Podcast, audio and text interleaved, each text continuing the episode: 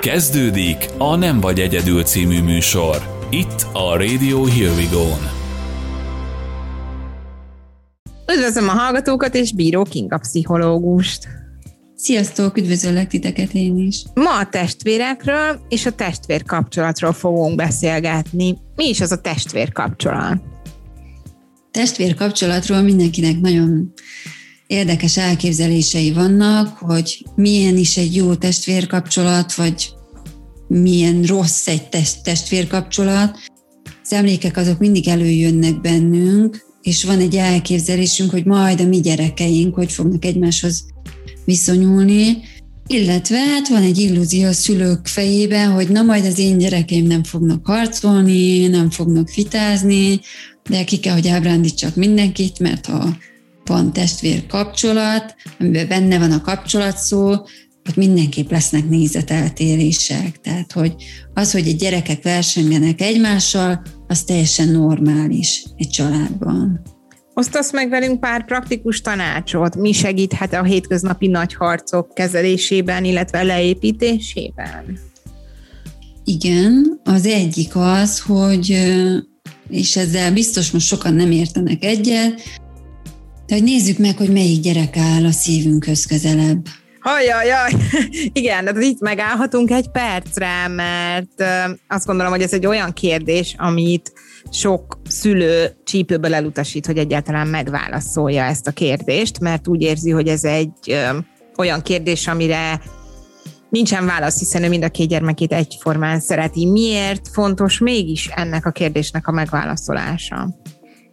A tanácsadások során azért mindig kijön, hogy melyik gyerek inkább a szíve csücske a szülőnek. Ez nem azt jelenti, hogy nem szeretem a másikat, csak az egyik gyerek azért, mert rám jobban hasonlít, vagy egyéb okok miatt közelebb áll hozzám. Tehát, hogy ezzel így nem feltétlenül van baj. Az a lényeg, hogy tudjam, hogy az a gyerek miért áll hozzám közelebb mert akkor meg tudom nézni, hogy azok a harcok, amiket a gyerekek vívnak, azt én értékelem máshogy, vagy az tényleg úgy van, ahogy ők azt leharcolják, és hogy igazuk van abban, hogy így viselkednek. Nem tudom, hogy ez így mennyire érthető, de tehát az én tapasztalataim, ha például van egy fiú meg egy lány a családban, és akkor nézzük azt, hogy én vagyok a lány, volt egy bátyám, állandóan piszkát, és a gyerekeidnél ugyanez van, akkor te valószínű, hogy a lányod pártját fogod, mert előjönnek benne tudattalanul azok az érzések, emlékek, hogy bántott a testvéred. És akkor a, a lányod pártjára fog szállni. De ha ezt megvizsgálnád, hogy azért áll a lányod közelebb, mert a te testvér kapcsolatodból átvetted ezt a mintát, és rávetíted a gyerekekre, akkor másképp fogsz viszonyulni a fiathoz is. És rá fogsz jönni, hogy hát nem is biztos, hogy ő mindig a saras a veszekedések meg a viták során. A szülőnek egy ilyen örök békítő szerepet kell vállalnia egy ilyen harcban, tehát középen kell állnia, vagy megengedhető, tehát hogy mennyire tud egy szülő objektív lenni, illetve hogyan kell ő neki egy döntőbírónak lenni egy ilyenben? Az esetek túlnyomó többségében hagyjuk, tehát hogy hagyjuk őket, hogy így próbálják megharcolni azt, amit így kitaláltak, hogy ki mit csinál, meg mikor csinál. Ha nagyon nem megy nekik, akkor kell csak közbelépni. Tehát ne én akarjam megmondani, hogy hogy legyen, hanem próbáljanak ők egy kompromisszumos döntést létrehozni, és ha nem megy, akkor segítsek nekik. Az a segítség miben állhat? Először is próbáljuk meg terelni őket, hogy akkor segítek abban, hogy találjanak valami megoldást. Ha nem megy, akkor viszont én hozok döntést. És hogyan lehet ezt a döntést elfogadtatni velük? Vagy akkor az van, hogy ezt döntöttem, mert ti nem döntöttetek, és kész? Ilyenkor már tudják a gyerekek, hogy ha anya azt mondja, hogy nem, akkor nem. Akkor elvonulnak turzásra. Uh-huh. De ez tulajdonképpen nem építi le az ő kapcsolatukat, hanem egész egyszerűen ez egy lecke számukra a kapcsolatokról, ha jól értem.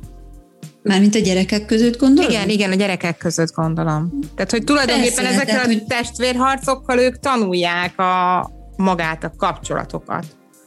Igen, igen. Tehát, hogy a lényeg, hogy ne legyenek ilyen hatalmas harcok, de a pici harcok azok beleférnek, meg kellene ki, és tehát, hogy hogyan viszonyulok egy másikhoz, hogyan tudok osztozkodni, mennyire akarok osztozkodni, ha az enyém, akkor kölcsön adom el, nem adom kölcsön. Ha rossz a kedve, akkor oda megyek el, próbálok vele beszélgetni, próbálom-e megvigasztalni, vagy sem. De itt bejön az, hogy mit tapasztalnak a szülőknél a gyerekek, tehát hogy a szülők hogy oldják meg egymás között a problémákat.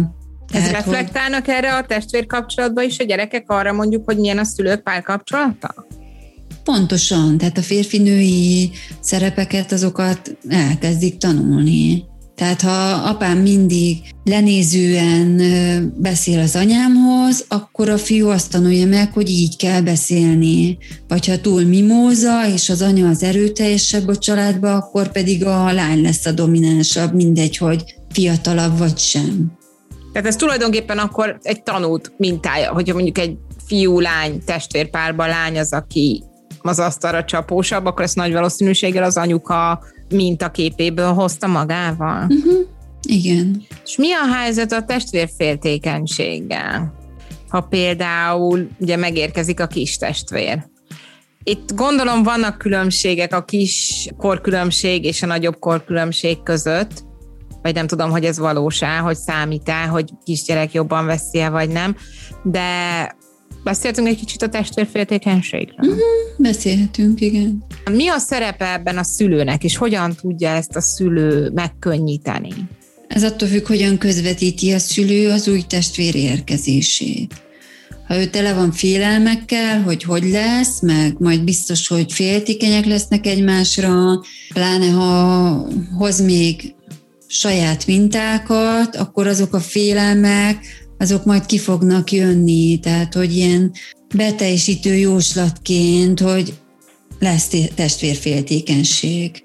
Mert hogy hát annak lennie kell, mert hogy én is azt éltem át a családomba. De ha úgy áll hozzá a szülő, hogy nem lesz testvérféltékenység, mert mind a két gyereket imádom, és nem lesz elhanyagolva a nagyobb sem, megkapja azt, amire neki szüksége van, és a testvér érkezésénél segítek neki abban, hogy ő is egy kicsit kisbaba legyen, meg így bizonyos tevékenységek terén visszacsúszon, akkor nem lesz testvérféltékenység. Akkor örülni fog annak, hogy lesz egy testvére, akivel majd játszhat, akivel majd együtt lehet, akivel futkoshat, aki esetleg levesz plusz terhet róla, mert nem csak egyedül kell rendbe tartani a szobát, hanem ketten lesznek, ketten kell pakolni, tehát egy csomó haszna van egy testvérnek, hogyha a szülő úgy közvetíti.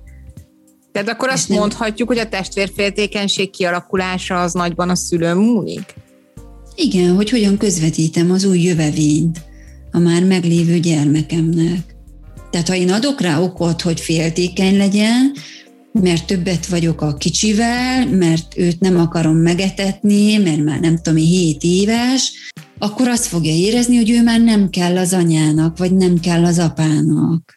Tehát akkor tulajdonképpen mondjuk van egy 7 éves gyerek, akihez megérkezik a kisbaba, még egy 7 éves gyereknél is benne van, hogy visszababásodik egy kicsit, tehát fogja igényelni akár azt, hogy etessék, vagy beüljön anyuka ülébe, vagy nem is tudom, akár milyen ilyen kisbabás dolog.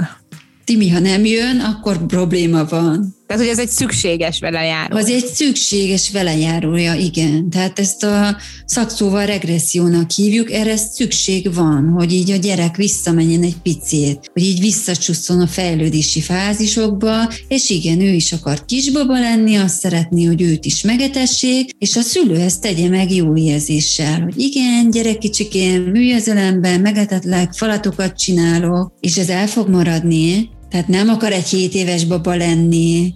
Ez, tehát ez egy ilyen átmeneti kicsi állapot, rövid, rövid állapot. Pontosan. Tehát, hogy jó, megérkezik a kis testvér, akkor lehet, hogy egy-két hétig ő is nagyon baba akar lenni, aztán már csak hetente egyszer, kétszer akar baba lenni, aztán utána közli a szülővel, hogy én nem vagyok kisbaba. Mert akkor rájön, hogy ez nem mókás, igen.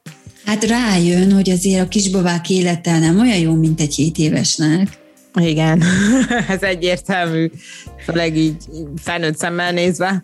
Viszont mi a tanácsod, ugye ez tök jó, hogy elméleti síkon nyilván a szülő tudja, hogy vissza fog babásodni a második, hogy figyelni kell rá, de ugyanakkor azt is tudjuk, hogy egy újszülött kisbaba érkezése rettenetesen leterhelő. Hogyan tud egy anya elég energiát találni arra, hogy ne, ne ez az elhanyagolni, ez csúnya szó, um, kellő figyelmet tudjon szentelni az idősebb gyermekének is, és, és be tudja vonni, és, és ne veszítse el a türelmét, amikor örül ugye, hogy az, e, az újszülöttet is bepánkázta, lefektette, megetette, stb. stb. És akkor még ott van, nekem két és fél év volt a korkülönbség, tehát tudom, és akkor még ott van a két és fél éves, aki, aki nyilván még baba. Itt jön a partner a képe. Tehát, hogy ahogy visszacsatoljak egy korábbi adásunkra, hogy nem tudunk csodanők lenni. Tehát, hogy kell valaki, kell a partner, vagy kell egy nagyszülő, valaki, aki elérhető és segít abban, hogy el legyen látva a csecsemő is, meg el legyen látva a nagyobb gyerek is. Hogy én a nagyobbat megetetem, addig valaki figyeljen a csecsemőre, hogyha nincsen és így megalapozhatjuk a jó testvér kapcsolatot is. Tehát, hogy ez egy nagyon-nagyon fontos dolog, hogy hogyan érkezik meg az a kisbaba a családba. Igen, amit még mindenképp el szeretnék mondani, hogy ne hozzuk állandóan be a babát a, a beszélgetésbe, hogy anya azért siet, mert sír a baba, iparkodjál, mert kell mennem a babához. Tehát, hogy ne az legyen, hogy a kommunikációmban azt közlöm a nagyobb gyermekemmel, hogy mert minden a baba körül forog. Ha beszeretném vonni, akkor azt mondani, hogy figyelj, egy picit egyél gyorsabban, mert hallod a baba sír, és emlékszel, amikor te is nem emlékszik, de attól még én ezt mondhatom, hogy emlékszel, amikor te is kisbaba voltál, ha te is akartál valamit, sírtál, és anya ment, sietett hozzád, hogy megvigasztaljon. Tehát úgy visszacsatolni, hogy a baba ugyanazt csinálja, amit ő csinál. Tehát, hogy ő megkapta azt a figyelmet, meg törődést, amit én most a másiknak is adni akarok. És akkor ebből a gyerek is levonja, hogy nem különleges a kis testvér, hanem egész egyszerűen ugyanazt kapja, amit ő kapott. Mm, és akkor oda megy hozzá, és azt mondja, hogy megvigasztallak, baba.